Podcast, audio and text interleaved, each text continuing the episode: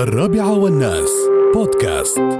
هني تقول عايش إبراهيم سلطان نعلم ان الكل متذمر. من البقاء في المنزل بسبب تقول الاوضاع الراهنة وأن الكل تخيم عليهم حالة من الإحباط ربما لأنهم فقدوا نمط حياتهم وعلاقتهم التي اعتادوا لذلك اعتادوها لذلك يحلمون بالعودة لما كانوا عليه. لذلك وبالرغم من أمنياتنا الصادقة بزوال هذه الغمة نشعر أن الإنسان لا يريد أن يتعلم. من أخطائه تقول وأنه مصمم على آه، طبعا تكرارها. اذا لنقرأ هذه الحقائق المهمة لأحد نشطاء تقول مواقع التواصل الاجتماعي آه، بخبر آه، يخبرنا فيها.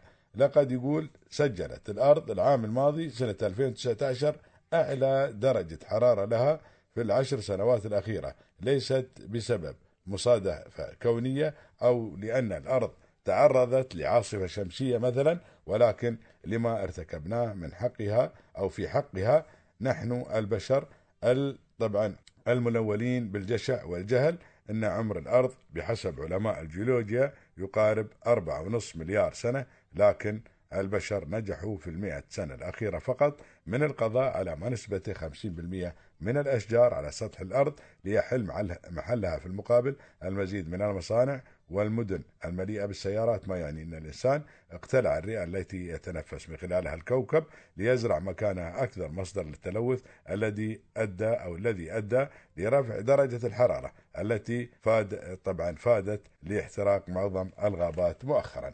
أن بقاء الناس في منازلهم خلال شهر فقط وكما تقول إحصاءات المناخ قد خفض نسبة التلوث بشكل كبير بسبب عدم استخدام السيارات ووسائل المواصلات كافة وتوقف حركة المصانع وأجهزة التكييف والتدفئة في الكثير من مؤسسات العمل التي أغلقت. الأمر محزن أن نرى الكرة الأرضية وهي ترفع شعار مغلق لكن لكل مصيبة.